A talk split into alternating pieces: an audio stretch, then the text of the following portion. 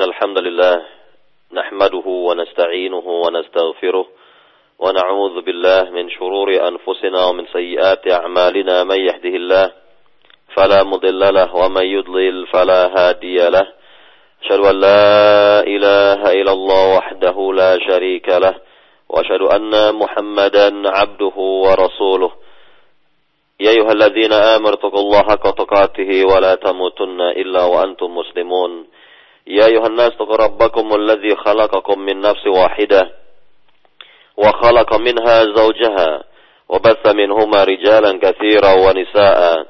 واتقوا الله الذي تساءلون به والأرحام. إن الله كان عليكم رقيبا. يا أيها الذين آمنوا اتقوا الله وقولوا قولا سديدا.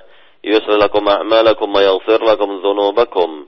ومن يطع الله ورسوله فقد فاز فوزا عظيما أما بعد فإن أصدق الحديث كتاب الله وخر الهدي هدي محمد صلى الله عليه وسلم وشر الأمور محدثاتها وكل محدثة بدعة وكل بدعة ضلالة وكل ضلالة في النار Para pendengar di Raja yang dimuliakan Allah Subhanahu wa taala, alhamdulillah di pagi hari ini kita bisa mengikuti kembali kajian dari kitab Al-Aqidatu Awwan Law Kanu Ya'lamun.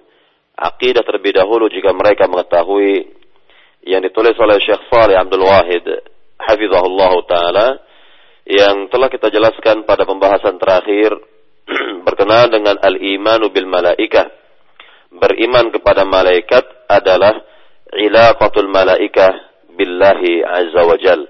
Hubungan antara malaikat dengan Allah subhanahu wa ta'ala.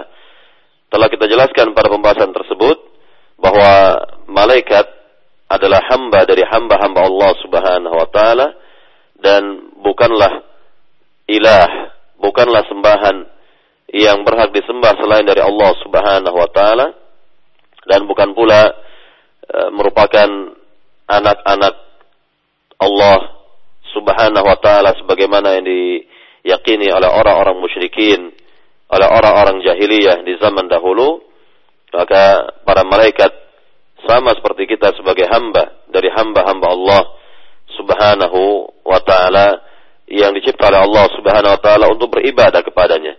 Dicipta oleh Allah Subhanahu wa taala untuk melaksanakan tugas-tugas yang mulia. Dan inilah yang kita lihat dari keterangan ayat Al-Quran, dari ayat-ayat Al-Quran dan hadis-hadis Nabi yang mulia Sallallahu Alaihi Wasallam. Kemudian di pagi hari ini, insya Allah Taala, yang akan kita jelaskan masih berkenaan dengan uh, alam malaikat, al-imanu bil malaikah, beriman kepada malaikat, yaitu dengan tema ilaqatul malaikah bil insani ammatan. Hubungan malaikat dengan manusia secara umum. Hubungan malaikat dengan manusia secara umum. Para pendengar di Raja yang dimuliakan Allah Subhanahu wa taala, Allah Subhanahu wa taala menciptakan malaikat dengan maksud yang mulia. Dengan maksud yang mulia. Maka di antara maksud yang mulia tersebut dari penciptaan malaikat adalah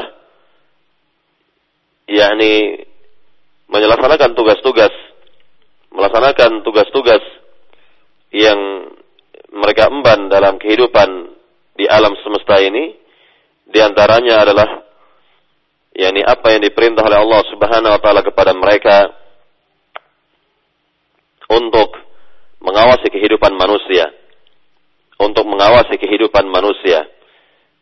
Maka semenjak manusia pertama dicipta oleh Allah Subhanahu wa taala, yaitu Adam alaihi salam. Allah Subhanahu wa taala tentunya telah perintahkan kepada para malaikat untuk sujud kepada Nabi Adam alaihissalam sebagai penghormatan kepada Nabi Adam alaihissalam sebagai penghormatan kepada Nabi Adam alaihissalam Maka ketika Allah Subhanahu wa taala akan mencipta manusia pertama, ketika Allah Subhanahu wa taala akan mencipta manusia yang pertama, Abul Bashar, nenek moyang manusia Adam alaihissalam, malaikat memberikan semacam komentar kepada Rabbul Alamin tentang apa yang akan dilakukan oleh manusia di muka bumi sebagaimana pengetahuan yang dimiliki oleh para malaikat tersebut dan ini sebatas pengetahuan yang mereka ketahui namun pada dasarnya mereka tidak mengetahui apa yang telah diketahui oleh Allah Subhanahu wa taala. Yang seperti ini kita bisa lihat dalil dari surat Al-Baqarah ayat 30 di mana Allah Subhanahu wa taala berfirman tentang percakapan antara Rabbul Alamin dengan para malaikat. Allah Subhanahu wa taala berfirman, "Wa idz qala rabbuka lil malaikati inni ja'ilun fil ardi khalifah." Qalu ataj'alu fiha man yufsidu fiha wa yasfiku ad-dima'a wa. Qala inni a'lamu ma la ta'lamun. Yang artinya dan ingatlah ketika Rabbmu berkata kepada para malaikat, sungguhnya aku akan mencipta di muka bumi khalifah, yakni manusia. Kemudian apa tanggapan para malaikat? Apa komentar dari para malaikat? Kalau mereka berkata, akankah ya engkau menjadikan di muka bumi orang-orang yang berbuat kerusakan dan menumpahkan darah. Sedangkan kami memuji engkau mensucikan engkau dan memuji engkau. Qal kemudian Allah mengatakan di sini kepada para malaikat ini sungguhnya aku mengetahui apa yang kalian tidak ketahui. Nah inilah tentang uh, yakni pengetahuan malaikat yang ada pada diri mereka, pengetahuan yang terbatas yang mereka miliki tentang Adam alaihissalam atau tentang manusia ini. Kemudian Allah Subhanahu wa taala jelaskan bahwa Allah Subhanahu wa taala mengetahui apa-apa yang tidak diketahui oleh para malaikat. Berarti ada ilmu yang tidak diketahui oleh para malaikat. Ada pengetahuan yang hanya diketahui oleh Allah Subhanahu wa taala dan tidak diketahui oleh para malaikat sehingga Allah mengatakan di akhir ayat tersebut ini a'lamu ma la ta'lamun. Sungguhnya aku mengetahui apa-apa yang kalian tidak ketahui. Para jamaah para pendengar di roja yang dimuliakan Allah Subhanahu wa taala eh, ini tentang uh, penciptaan atau sebelum penciptaan manusia Adam alaihissalam kemudian Allah Subhanahu wa taala mencipta Adam alaihissalam dan meniupkan ruh padanya. Lalu Allah Subhanahu wa taala perintahkan kepada malaikat untuk sujud kepada Nabi Adam alaihissalam sebagai penghormatan terhadap Adam alaihissalam. Sebagai penghormatan terhadap manusia yang pertama Adam alaihissalam. Dan ini merupakan keutamaan manusia keutamaan manusia dibandingkan malaikat. Allah Subhanahu wa taala berfirman mengenai hal ini. Bisa dilihat oleh para pendengar dimanapun berada, yakni pada surat Sad ayat 71 sampai 72. Dalam surat Sad ayat 71 sampai 72 di mana Allah Subhanahu wa taala berfirman, إذ قال ربك للملائكة إني خالق بشرا من طين فإذا سويته wa nafakhtu fihi min ruhi faqa'u lahu. Yang artinya ingatlah ketika Rabbmu berkata kepada para malaikat, sungguhnya aku mencipta manusia dari tanah. Maka apabila aku telah bentuk dia, yakni aku telah ciptakan dia dengan bentuknya dan aku telah tiupkan roh padanya, maka sujudlah kalian kepadanya ini perintah dari Allah Subhanahu wa taala kepada para malaikat agar mereka sujud kepada Adam alaihissalam atas perintah dari Allah Subhanahu wa taala dan sujudnya para malaikat kepada Nabi Adam ini dalam rangka penghormatan dalam rangka pemuliaan makhluk yang dicipta oleh Allah Subhanahu wa taala. Itu manusia yang dicipta langsung oleh tangan Allah Subhanahu wa taala dicipta oleh Allah dari tanah maka jadilah ya, manusia yang pertama makhluk uh, yang diberi taklif beban oleh Allah Subhanahu wa taala untuk melaksanakan agama selain dari makhluk yang telah dicipta sebelumnya yaitu jin. Para pendengar radio Roja yang dimulakan Allah Subhanahu wa taala, inilah yang kita lihat tentang ilaqatul malaikah. yakni hubungan malaikat yang pertama dengan manusia secara umum, ya, dengan manusia secara umum. Maka sudah ada hubungan tersebut ya, yakni ketika dicipta manusia yang pertama, Adam alaihissalam. Langsung mereka sujud kepada Nabi Adam alaihissalam atas perintah Rabbul Alamin. Kemudian Para pendengar di Raja yang dimulakan Allah Subhanahu wa taala lebih dari itu tentang hubungan manusia tentang hubungan malaikat dengan manusia secara umum adalah kita lihat pada saat manusia pertama Adam alaihissalam wafat. Pada saat Nabi Adam alaihissalam wafat, maka keturunan-keturunan Nabi Adam alaihissalam tidak mengetahui anak-anak Nabi Adam ya tidak memiliki pengetahuan bagaimana mengurus jenazah orang tua mereka ini. Bagaimana mengurus orang tua jenazah orang tua mereka ini? Maka Allah turunkan yakni para malaikat untuk uh, yakni mengurus jenazah Nabi Adam alaihissalam. Dalam riwayat yang sahih dalam kitab Sahih Al-Jami' hadis nomor 5000 83 yang dibawakan oleh Syekh Saleh dalam kitabnya ini beliau mengatakan tentang riwayat ini wa indama mata Adam alaihi salam hara auladuh kaifa yaf'aluna bihi fa'allamathum al-malaikah fa'allamathum al-malaikah yaqul sallallahu alaihi wasallam lamma tufiya Adam غسلته الملائكة بالماء وترا وألحدوا له وقالوا هذه سنة آدم في ولده Syekh Saleh Abdul Wahid mengatakan pada saat Adam alaihissalam wafat maka anak-anak Adam menjadi bingung bagaimana mereka mengurus jenazah bapak mereka ini. Kemudian mereka diajarkan oleh para malaikat seraya Nabi Wasallam bersabda ketika Adam wafat para malaikatlah yang memandikan jenazah Nabi Adam dengan air dalam bilangan yang ganjil. Lalu mereka membuatkan lahat atau liang lahat bagi jenazah Nabi Adam. Seraya para malaikat itu berkata inilah sunnah atau cara bagi atau inilah sunnahnya Adam alaihissalam yang berlaku bagi keturunannya. Atau inilah sunnah atau cara menguburkan jenazah Nabi Adam yang akan berlaku bagi keturunannya maka yang pertama kali yang mengajarkan mereka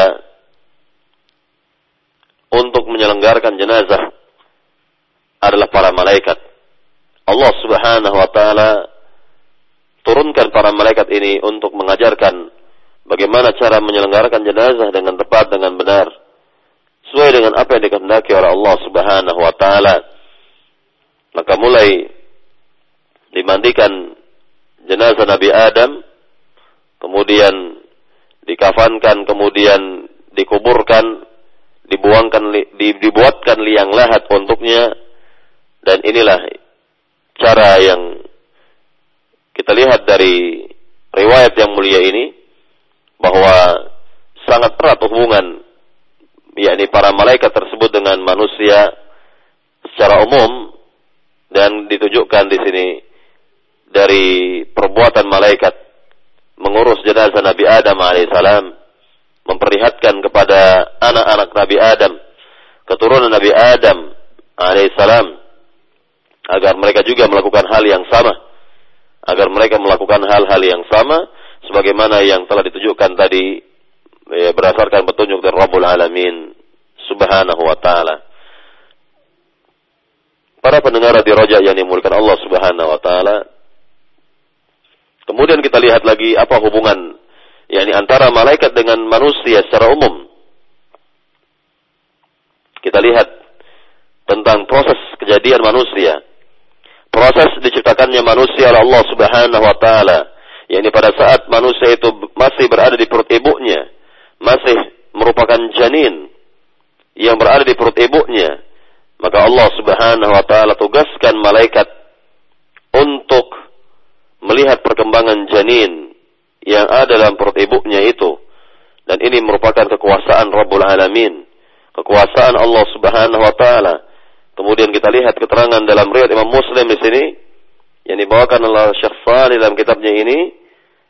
Beliau mengatakan yakni sebelum adanya sebelum riwayat diturunkan di sini amma ilaqatul malaikati bil insan ammatan fahiya يعني تبدأ من اللحظة الأولى من تكوينه في بطن أمه فالملائكة تشرف عليه في الرحم في هذا القرار المكين الذي لا يعرف ما يكون في داخله من التدبيرات إلا الله.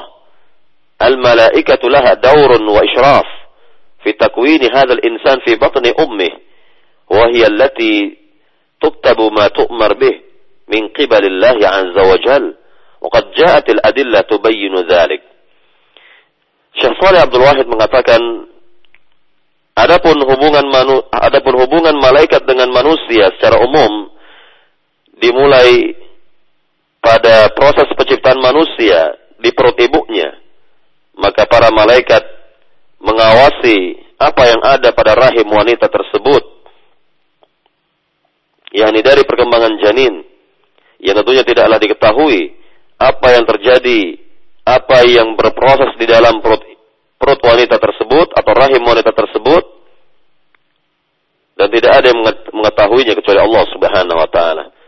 Kemudian para malaikat dikatakan di sini bahwa para malaikat memiliki peranan yang besar di dalam memantau apa yang terjadi pada rahim wanita ketika manusia masih berada di perut ibunya tersebut dan malaikatlah yang menulis apa yang telah diperintah oleh Allah Subhanahu wa taala yakni menulis tentang e, takdir si janin kelak berkenaan dengan rezekinya tentunya berkenaan dengan amalnya berkenaan dengan umurnya dan yang lainnya. Maka di dalam hadis riwayat Imam Muslim di mana Nabi Shallallahu alaihi wasallam bersabda ini dibawakan hadis dalam riwayat Imam Muslim Nabi sallallahu alaihi wasallam bersabda "Idza marra bin nutfah thintani wa arba'una lailah ba'atha Allah ilaiha malakan fasawwaraha wa khalaqa sam'aha wa basaraha wa thumma qala ya rabbi adhakarun am untha فيقضي ربك ما ما شاء. ويكتب الملك ثم يقول يا رب أجله. فيقول ربك ما شاء. ويكتب الملك ثم يقول يا رب رزقه. فيقضي ربك ما شاء ويكتب الملك ثم يخرج الملك بالصحيفة في يده فلا يزيد على أمر ولا ينقص. Nabi Shallallahu Alaihi Wasallam bersabda, apabila proses penciptaan manusia itu telah menjadi nutfah pada hari yang ke-42 Allah Subhanahu wa taala mengutus padanya satu malaikat. Kemudian Allah membentuk apa Allah mencipta janin tersebut maka Allah mencipta pendengarannya. Allah mencipta penglihatannya, kulitnya, dagingnya, tulangnya. Kemudian malaikat tadi berkata kepada Rabbul Alamin, Wahai Rabb, apakah engkau menginginkan jenis kelamin laki-laki atau perempuan? Ya, ini dikatakan oleh para oleh malaikat ini atau malaikat ini bertanya kepada Rabbul Alamin, apa yang dikehendaki oleh Allah tentang sejanin ini apakah laki-laki ataukah perempuan? Maka dikatakan bahwa Rabbmu, kata Nabi, Rabbmu memutuskan apa yang dikehendaki. Kemudian malaikat tersebut menulis, lalu berkata, Wahai Rabb, bagaimana dengan umurnya? Bagaimana dengan ajalnya? Yani bagaimana dengan umurnya kelak? Apakah sejalin ini terus berkembang dan terus sempurna bentuknya atau ada yang dikehendaki oleh Rabbul Alamin? Kemudian apakah kelak dia keluar dari perut ibunya menjadi bayi yang terlahir ke dunia ini sampai diberi waktu oleh Allah Subhanahu wa taala hidup sampai dewasa ataukah bagaimana? Nah, inilah yang ditanyakan oleh malaikat tadi kepada Rabbul Alamin tentang umurnya, tentang ajalnya. Maka apa kata Nabi yang mulia di sini? Fayaqdi ya, yani fayaqulu rabbuka ma syaa. Fayaqulu rabbuka ma syaa. Kemudian Rabbmu itu berkata sesuai dengan apa yang dikehendaki. Ya, artinya bahwa malaikat bertanya, Lalu dijawab oleh Allah Subhanahu wa taala dan malaikat tadi menulis apa yang dikatakan oleh Rabbul Alamin. Apa yang diperintah oleh Rabbul Alamin. Maka dikatakan lagi di sini wa al-malak. Kemudian malaikat tersebut menulis apa yang dikehendaki oleh Allah Subhanahu wa taala. Kemudian ia bertanya lagi kepada Rabbul Alamin, "Ya Rabb rizqu." Wahai Rabb, bagaimana tentang rezekinya? Bagaimana tentang rezekinya? Fayaqdi rabbuka masya. Kemudian Rabbmu itu kata Nabi menentukan apa yang dia kehendaki. Lalu ditulislah oleh malaikat mengenai rezeki si janin ini kelak. Kemudian dikatakan lagi lalu malaikat tersebut mengeluarkan lembaran yang ada pada tangannya maka tidaklah ia menambah-nambah dan mengurang-urangi sedikit pun apa yang telah ditentukan oleh Rabbul Alamin apa yang telah dinyatakan oleh Allah Subhanahu wa taala. Nah, inilah yang kita lihat dari hadis Muslim di mana malaikat tersebut telah ditugaskan oleh Allah Subhanahu wa taala untuk mengawasi kehidupan manusia, yakni mulai kehidupannya pertama di rahim ibunya, di perut ibunya, ketika masih menjadi janin, perkembangan demi perkembangan, fase demi fase, tahapan demi tahapan penciptaan, semua diawasi oleh para di semua diawasi oleh malaikat, dipantau oleh malaikat dan ditulis oleh malaikat apa-apa yang dikehendaki oleh Allah Subhanahu wa taala berkenaan dengan umurnya, berkenaan dengan rezekinya, berkenaan dengan amalnya, berkenaan dengan bahagia atau sengsaranya ia sebagaimana hadis Nabi yang lain menjelaskan hal ini. Para pendengar di raja yang dimulakan Allah Subhanahu wa taala, inilah hubungan malaikat yang sudah terlihat hubungan malaikat dengan manusia yang sudah terlihat ketika manusia masih dalam perut ibunya tersebut. Kemudian para pendengar di raja yang dimulakan Allah Subhanahu wa taala, Saleh Abdul Wahid di sini membawakan hadis yang dikeluarkan oleh Imam Bukhari Muslim yang juga menjelaskan tentang takdir kehidupan manusia atau hubungan malaikat dengan manusia yang sudah ada sejak manusia berada dalam perut ibunya. Di dalam hadis riwayat Bukhari dan Muslim ini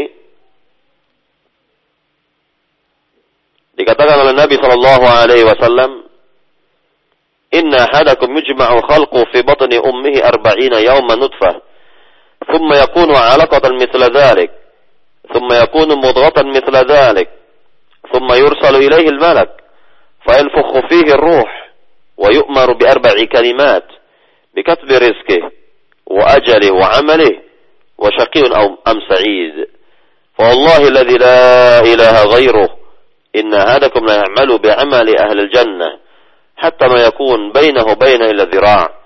فيسبق عليه الكتاب فيعمل بعمل أهل النار فيدخلها. وإن أحدكم ليعمل بعمل أهل النار حتى ما يكون بينه وبينه إلا ذراع فيسبق على الكتاب فيعمل بعمل أهل الجنة فيدخلها. Kata Nabi yang mulia Shallallahu Alaihi Wasallam, sungguhnya penciptaan salah seorang antara kalian atau dikumpulkannya penciptaan, dikumpulkannya proses penciptaan salah seorang antara kalian dalam perut ibunya adalah 40 hari pertama sebagai nutfah. Kemudian 40 hari yang kedua sebagai alaqah. Ini segumpal darah. Dan 40 hari yang ketiga sebagai mutghah kata Nabi. Segumpal daging. Kemudian diutuslah kepadanya malaikat.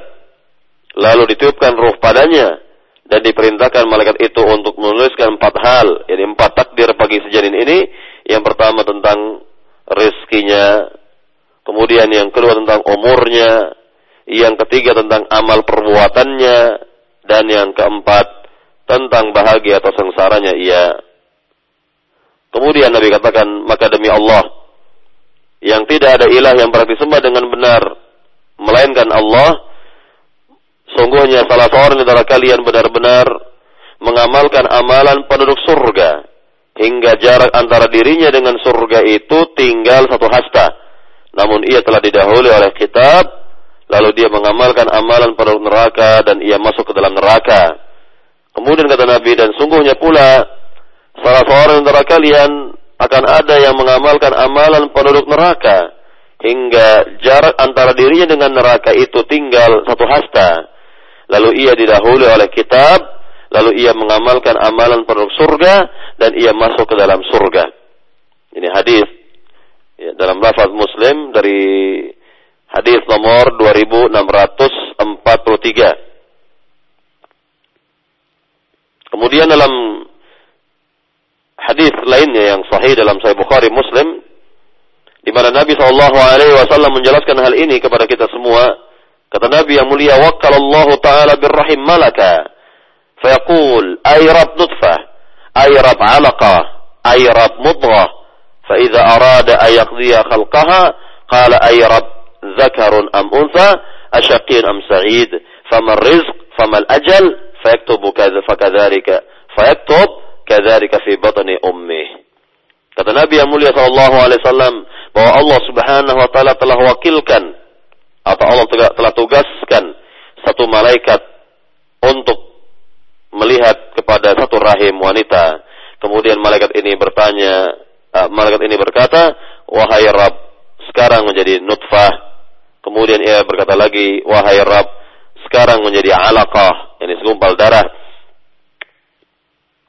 Kemudian ia berkata lagi, ay Rabb mudghah, wahai Tuhanku, sekarang menjadi mudghah. Maka apabila Allah Subhanahu wa taala hendak menciptakan penciptaannya, maka malaikat tadi bertanya, wahai Rabb, bagaimana dengan jenis kelaminnya? Apakah laki-laki ataukah perempuan? Apakah ia bahagia kelak ataukah sengsara? Lalu bagaimana dengan rezekinya? Bagaimana dengan umurnya? Maka malaikat tadi menulis apa yang telah diperintah oleh Allah Subhanahu wa taala, apa yang dikehendaki oleh Allah Subhanahu wa taala tentang janin tersebut yang masih berada pada perut ibunya. Para jamaah yang dimuliakan Allah Subhanahu wa taala, para pendengar radio Raja yang dimuliakan oleh Allah Subhanahu wa taala, inilah hubungan antara malaikat dengan manusia pada proses penciptaan proses penciptaannya dalam perut ibunya ini maka hendaknya kita bersyukur kepada Allah Subhanahu wa taala hendaknya kita bersyukur kepada Rabbul Alamin yang telah menciptakan manusia dengan sebaik-baik penciptaan dan yang telah menugaskan satu malaikat untuk melihat dan menjaga satu rahim wanita melihat proses perkembangan janin dan menuliskan takdir bagi sejanin kelak Para pendengar radio Raja yang dimulakan Allah Subhanahu wa taala. Kita lihat di sini keterangan lanjut dari Syekh Saleh. Beliau mengatakan kepada kita fal malaikatu تشرف على الإنسان في اللحظة الأولى وهو في بطن أمه. إذا خرج الإنسان من بطن أمه إلى هذه الدنيا الملائكة تحفظه من الأمام ومن الخلف. فقال تعالى له معقبات من بين يديه ومن خلفه يحفظونه من أمر الله. إن الله لا يغير ما بقوم حتى يغيروا ما بأنفسهم. wa idza arada Allah biqaumin su'an fala maradda lah wa ma lahum min dunihi min. Kata Allah Subhanahu wa taala dalam eh, dikatakan di sini oleh Syekh Saleh Abdul Wahid, yakni sebelum kita bacakan ayat yang mulia ini yang terdapat dalam surat Ar-Ra'd ayat 11 dikatakan oleh Syekh Saleh bahwa para malaikat mengurusi urusan manusia pada kehidupan yang pertama di dalam perut ibunya ini. Dan apabila manusia itu keluar, ya, atau bayi tersebut dilahirkan oleh ibunya, dilahirkan ya, keluar dari perut ibunya, maka para malaikat akan menjaganya dari arah depan dan arah belakang sebagaimana Allah Subhanahu wa taala berfirman dalam surat Ar-Ra'd ayat 11 yakni Allah memiliki para malaikat ya melahu muaqibat yani artinya Allah Subhanahu wa taala memiliki para malaikat yang menjaga manusia dari arah belakang dan e, dari arah depan dan arah belakangnya dan mereka menjaga apa yang telah diperintah oleh Allah Subhanahu wa taala dan sungguhnya Allah tidak akan merubah nasib satu kaum hingga mereka merubahnya sendiri. Maka apabila Allah Subhanahu wa taala menginginkan keburukan pada satu kaum maka tidak ada yang dapat menolaknya. Dan tidaklah mereka memiliki penolong selain dari Allah Subhanahu wa taala. Para pendengar di Raja yang dimulakan Allah Subhanahu wa taala, inilah yang kita lihat dari ayat Al-Qur'an tentang peranan besar malaikat terhadap kehidupan manusia, ya, terhadap kehidupan manusia. Kemudian kita lihat di sini firman Allah Subhanahu wa taala lainnya yang terdapat dalam surat Al-An'am yang terdapat dalam surat Al-An'am ayat 61 di mana Allah Subhanahu wa taala berfirman wa huwal qahiru fawqa ibadihi wa yursilu 'alaikum hafazatan hatta idza jaa ahadakumul maut tawafathu rusuluna wa hum la yufarritun. Dan dialah Allah yang maha perkasa terhadap hamba-hambanya ini maha kuasa terhadap para hambanya. Dan Allah mengirimkan kepada kalian hafazah, ini para malaikat hingga apabila datang kepada kalian kematian maka utusan kamilah ini malaikatlah yang mewafatkan dan mereka tidaklah yakni keluar dari apa yang diperintahkan oleh Allah Subhanahu wa taala. Inilah yang kita lihat dari dalil.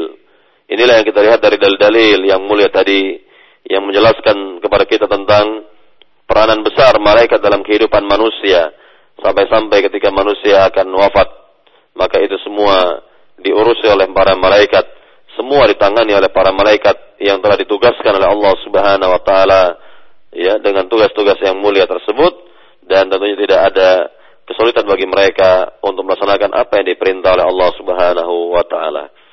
Kemudian para pendengar di Raja yang dimulakan Allah Subhanahu wa taala Dikatakan lagi di sini oleh Syekh Salih Abdul Wahid tentang hubungan malaikat dengan manusia.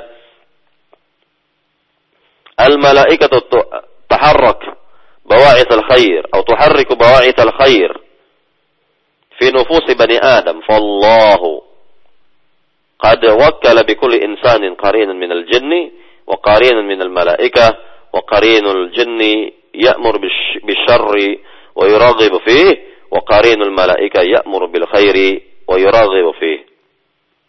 Dikatakan oleh Syafal di sini bahwa para malaikat dapat yakni menumbuhkan kebaikan pada diri manusia atau dapat yakni mendorong manusia untuk berbuat kebaikan-kebaikan dan Allah Subhanahu wa taala telah tetapkan bagi diri manusia karin ya dari bangsa jin dan karin dari bangsa malaikat. Yani karin artinya oh yakni makhluk yang menemani manusia tersebut ke mana pun dia berada, ke mana pun dia pergi maka akan ditemani oleh karinnya ini atau temannya ini baik dari kalangan jin ya maupun dari kalangan yakni malaikat.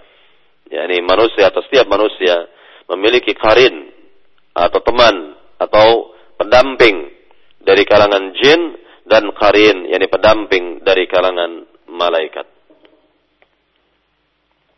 Kemudian para pendengar di Roja yang dimulakan Allah Subhanahu wa taala kita lihat di sini keterangan lanjut dari Syekh Saleh Abdul Wahid.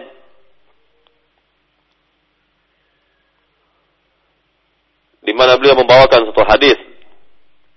Satu hadis Nabi Shallallahu alaihi wasallam yang menjelaskan tentang peranan jin tersebut dan peranan malaikat. Di mana-mana di mana keduanya atau masing-masing dari keduanya tersebut memiliki peranan yang berbeda-beda. yakni jin yang menjadi karinnya manusia tadi atau pendamping hidup manusia tadi tentu memerintahkan jin tersebut memerintahkan kepada yang buruk, memerintahkan kepada keburukan-keburukan. Adapun malaikat yang menjadi karinnya uh, manusia tadi memerintahkan kepada kebaikan-kebaikan. Memerintahkan kepada kebaikan-kebaikan. Dan Allah Subhanahu wa taala berfirman tentang usaha syaitan atau jin ini untuk menyesatkan jalannya manusia. Allah Subhanahu wa taala berfirman dalam surat Al-Baqarah ayat 268, "Asy-syaitanu ya'idukumul faqra wa ya'murukum bil fahsya wallahu ya'idukum maghfiratan minhu wa fadla wallahu wasi'un 'alim." Ya artinya syaitan atau golongan jin syaitan atau golongan jin uh, menakutkan kalian atau menakut-nakuti kalian dengan kefakiran dan pula dan juga mereka memerintahkan kalian untuk berbuat yang keji yakni berbuat keburukan-keburukan. Sedangkan Allah memerintahkan kepada kalian atau Allah menyiapkan untuk kalian maghfirah dan ampunan serta keutamaan darinya dan Allah maha luas lagi maha mengetahui wasi'un alim jadi maha luas pengetahuannya dan maha mengetahui apa yang dilakukan oleh manusia apa yang dikerjakan oleh manusia kemudian para pendengar radio raja yang dimulakan Allah subhanahu wa ta'ala kita lihat tentang ilaqatul malaika bil insan hubungan malaikat dengan manusia secara umum yakni bahwa malaikat mereka menulis apa saja yang datang dari manusia. Bahwa malaikat-malaikat ini menulis apa saja yang datang atau sesuatu yang datang dari manusia, baik ucapan, perbuatan, baik ucapan maupun perbuatan, sebagaimana dikatakan di sini oleh Syekh Salih, al malaikatu turaqibuka ya raqabatan syadidah wa tusajjilu 'alaika kullal a'mal wal aqwal. Qala Allah taala wa laqad khalaqnal insana wa na'lam ma nuwaswisu fi nafsihi ما نوسوس به نفسه ونحن أقرب إليه من حبل الوريد إذ يتلقى المتلقيان عن اليمين وعن الشمال قعيد كعيد ما يلفظ من قول إلا لديه رقيب عتيد. Ya artinya di sini dalam surat Qaf, ya surat yang mulia ini terdapat dalam surat Qaf ayat 16 sampai 18 di mana Allah Subhanahu wa taala berfirman dan sungguh kami telah ciptakan manusia dan kami mengetahui apa yang terjadi pada dirinya dan kami kata Allah maksudnya tentang malaikat ya kami lebih dekat kepadanya dari urat nadinya. Ingatlah ketika ya talakal mutalaqiyan ada dua malaikat yang berada di samping kanan dan di samping kiri ya dan tidaklah ada ucapan yang keluar dari seorang hamba melainkan ada raqibun atid atau malaikat yang mencatat apa yang dikatakan oleh manusia atau apa yang diperbuat oleh manusia baik itu yakni kebaikan-kebaikan maupun keburukan-keburukan semuanya telah ditulis semuanya telah ditentukan atau semuanya dicatat oleh para malaikat tadi dan tidak akan luput dari ya, pengetahuan atau tidak akan luput dari ini semua dari apa yang diketahui oleh Allah Subhanahu wa taala. Kemudian dalam ayat yang lain, yakni ayat yang senada dari ayat yang di atas tadi yang bisa kita lihat dalam surat Al-Infitar ayat 10 sampai 12. Dalam surat Al-Infitar ayat 10 sampai 12 di mana Allah Subhanahu wa taala berfirman, "Wa inna 'alaikum lahafizin kiraman katibin ya'lamuna ma taf'alun." Dan sungguhnya pada diri kalian itu ada malaikat-malaikat yang menjaga yakni kehidupan kalian atau perbuatan kalian yaitu para malaikat yang mulia lagi menulis apa yang mereka apa yang diperintah oleh Allah ya, dan mereka mengetahui apa yang kalian kerjakan. Ya'lamuna ma taf'alun. Mereka mengetahui apa yang kalian kerjakan. Kemudian dalam ayat yang lain Allah juga berfirman dalam surat Az-Zukhruf ayat 80, "Am yahsabuna anna la nasma'u sirrahum wa najwahum?" Bala wa rusulna wa bala wa rusuluna ladaihim yaktubun. Jadi apakah mereka mengira bahwa kami tidak dapat mendengar yakni apa yang mereka rahasiakan dan apa yang mereka nampakkan? Ketahuilah bahwa rasul-rasul kamilah yang menulis apa yang ada pada diri mereka, yakni menulis, mencatat ya, para rasul di sini para malaikat ya, yang ditugaskan oleh Allah Subhanahu wa taala mencatat apa yang berasal dari makhluk, apa yang berasal dari manusia itu, maka semua ditulis dan dicatat oleh Allah dan tidak ada yang luput dari pencatatan tersebut. Para pendengar di rojak yang dimulakan Allah Subhanahu wa taala. Dikatakan di sini keterangan dari Syekh Saleh, kita lihat keterangan lanjut dari Syekh Saleh, "Wakkalallahu azza wa jalla bi kulli insanin malakaini la yufariqanih abadan يسجلان كل شيء من أقوال وأعمال حتى قالوا الملائكة تسجل عليك كل شيء.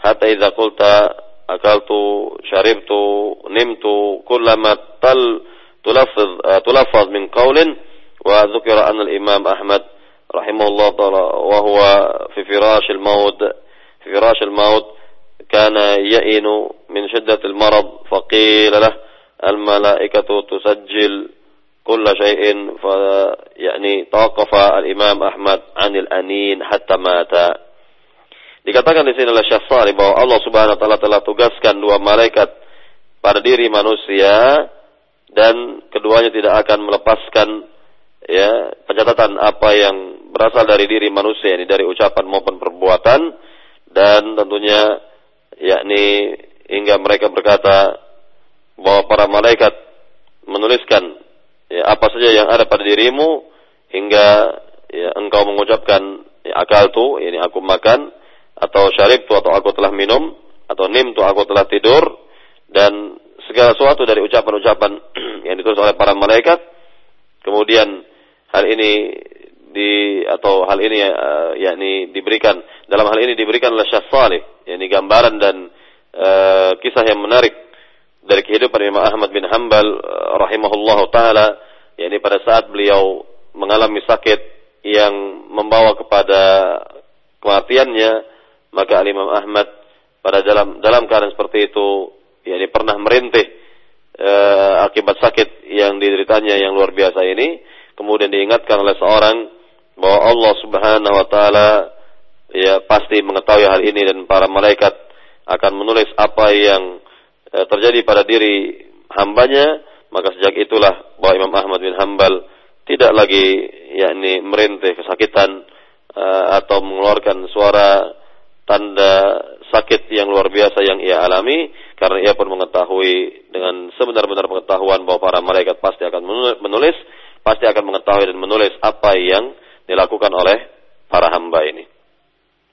Para pendengar di Raja yang dimulakan Allah Subhanahu wa taala, inilah yang kita lihat berkenaan dengan uh, hubungan manusia dengan malaikat yang sangat erat dalam hubungan secara umum, ya dalam hubungan secara umum dan tentunya hal ini berlaku sampai manusia menjelang akhir kehidupannya bahkan sampai yakni manusia itu wafat dicabut nyawanya dibawa nyawanya ya oleh para malaikat ke langit kemudian ya, sampai di alam kubur ditanya oleh malaikat munkar nakir, kemudian sampai di negeri akhirat, mereka juga ya akan berjumpa dengan malaikat. Dia ada yang diperlakukan baik oleh para malaikat, ada pula yang diperlakukan kasar oleh para malaikat.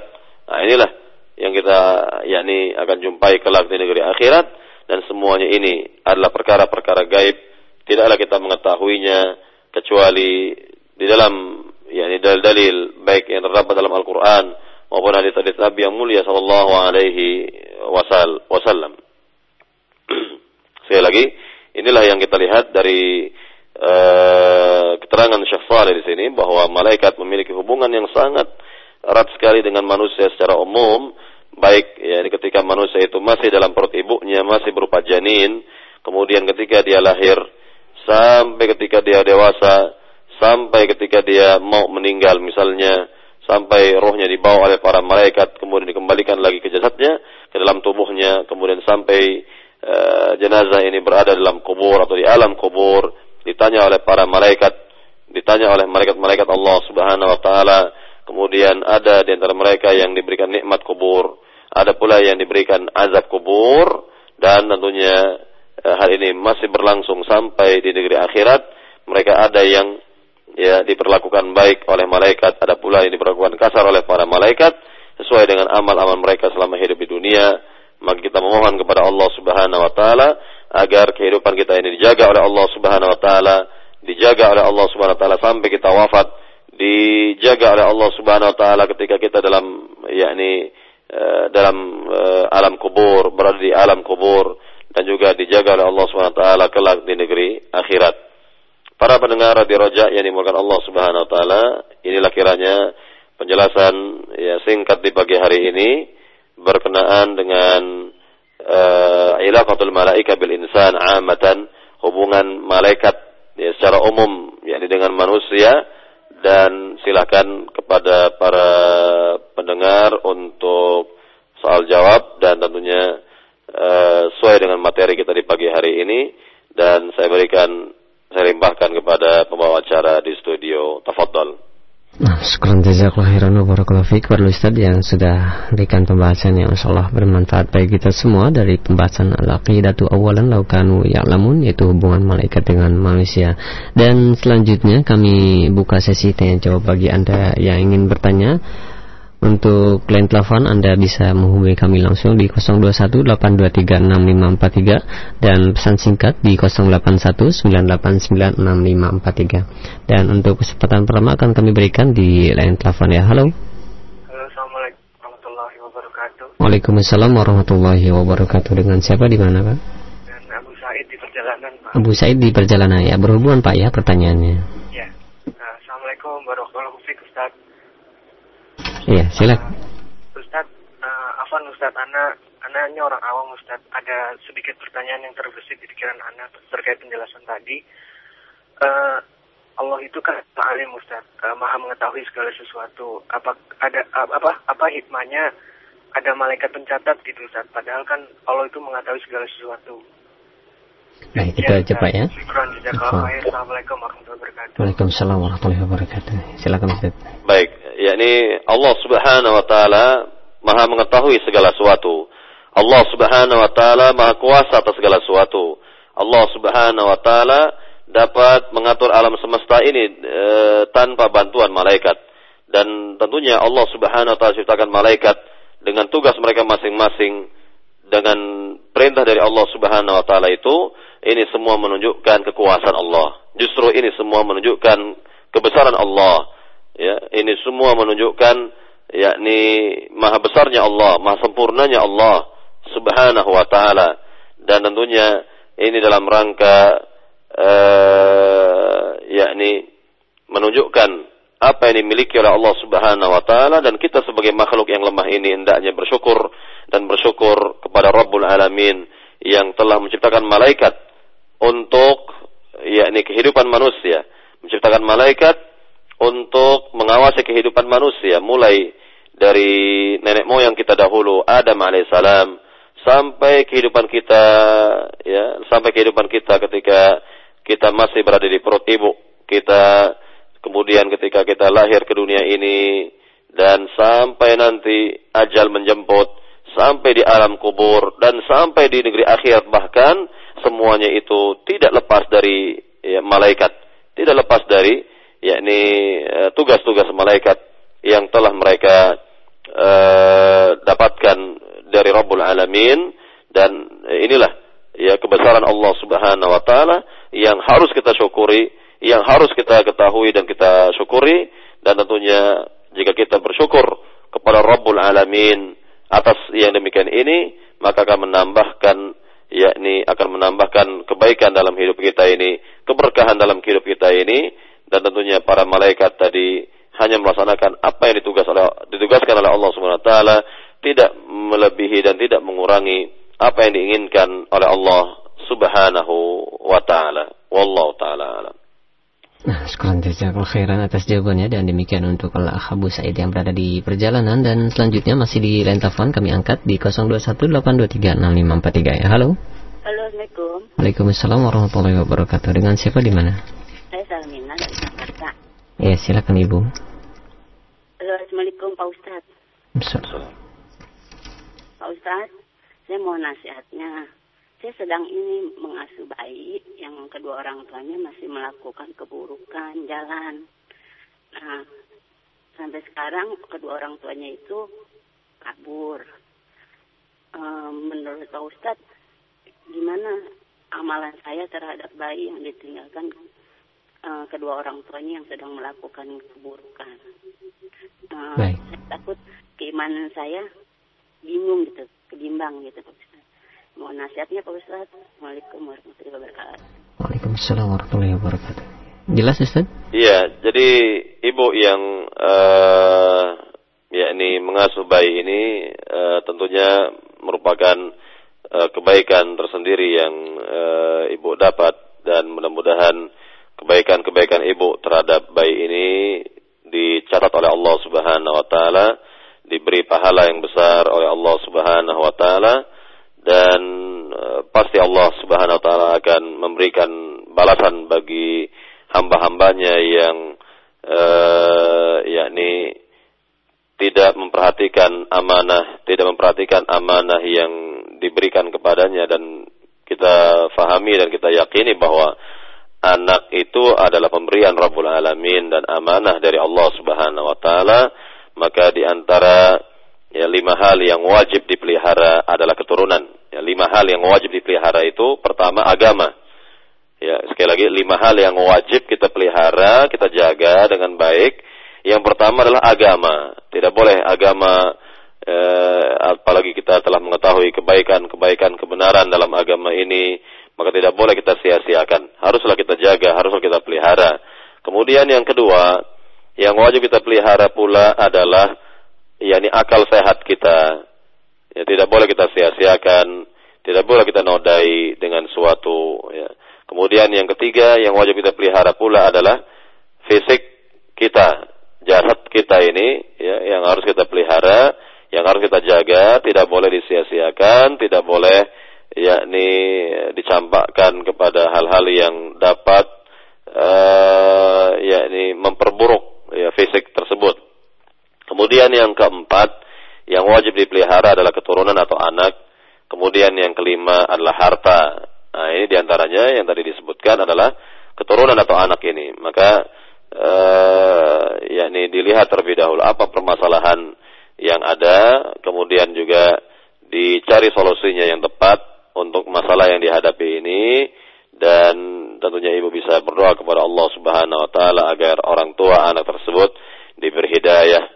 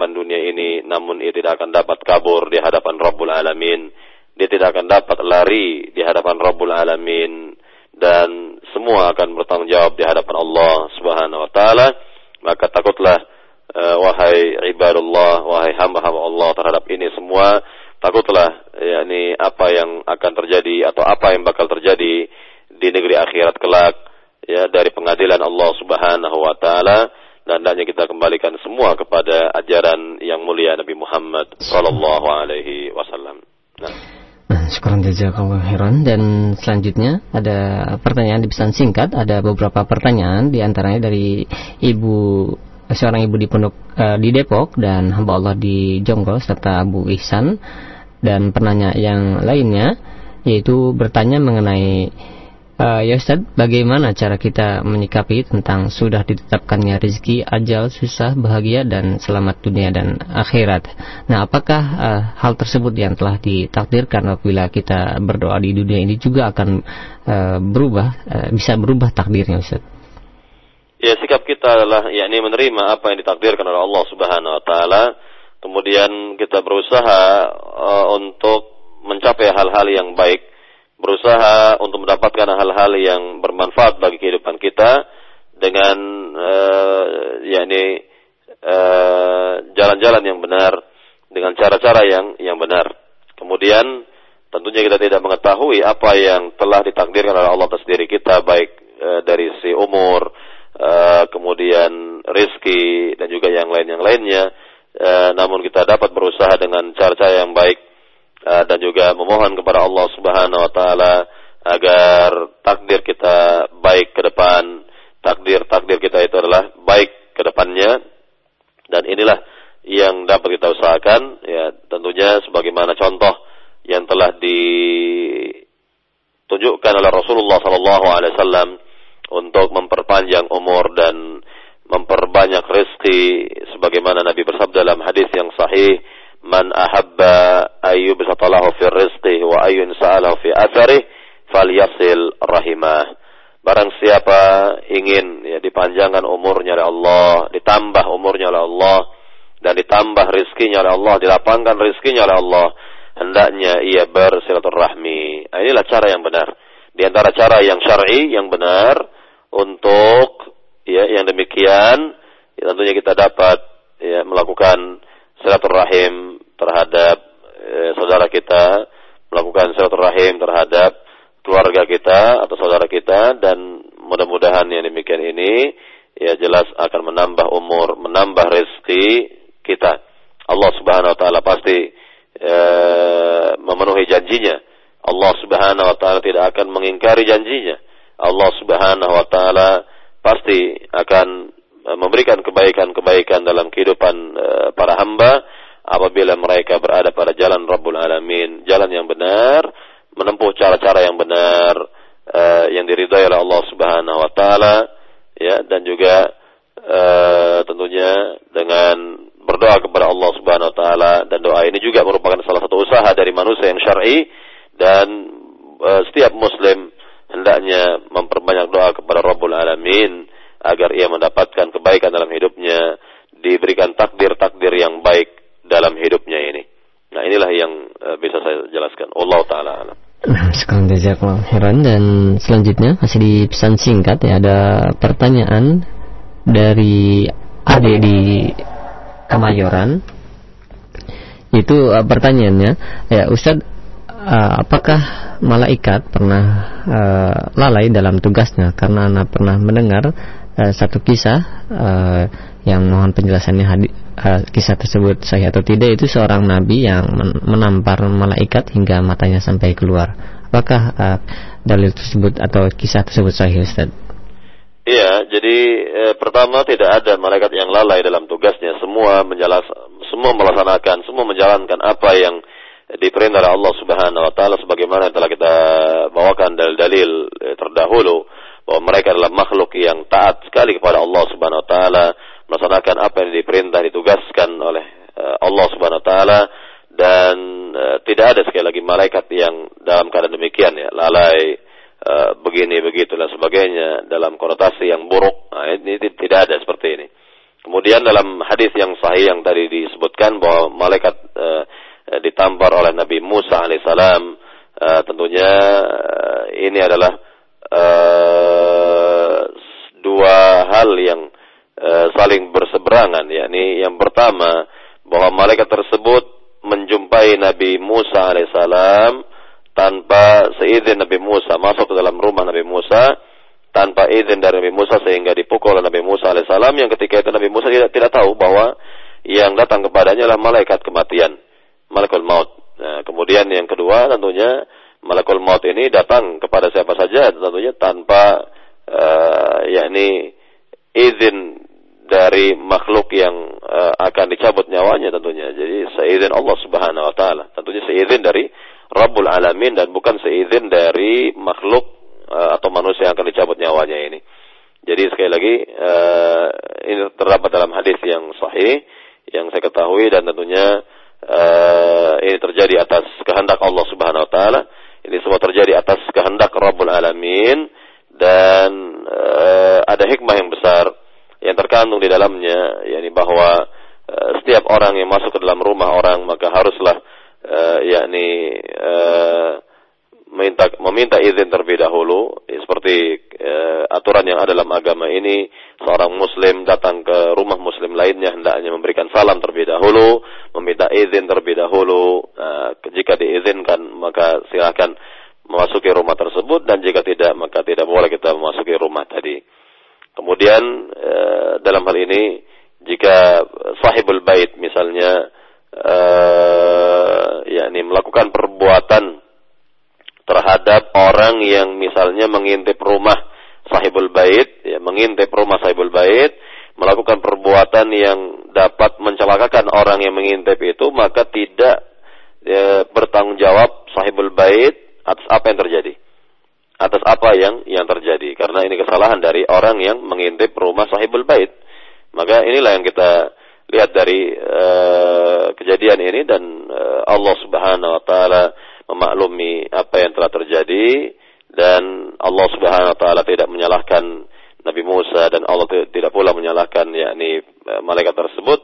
Dan sekali lagi ini bukan suatu kelalaian dari malaikat ya bukanlah satu kelalaian dari malaikat. Wallahu taala alam. Dan saya kira inilah perjumpaan kita di pagi hari. Mudah-mudahan apa yang disampaikan ini bermanfaat. Lebih kurangnya saya mohon maaf. Wallahu taala alam. Wasallallahu Muhammad walhamdulillah rabbil alamin. Subhanakallahumma bihamdika. Asyhadu la ilaha illa anta. Astaghfiruka wa atubu ilaik. Assalamualaikum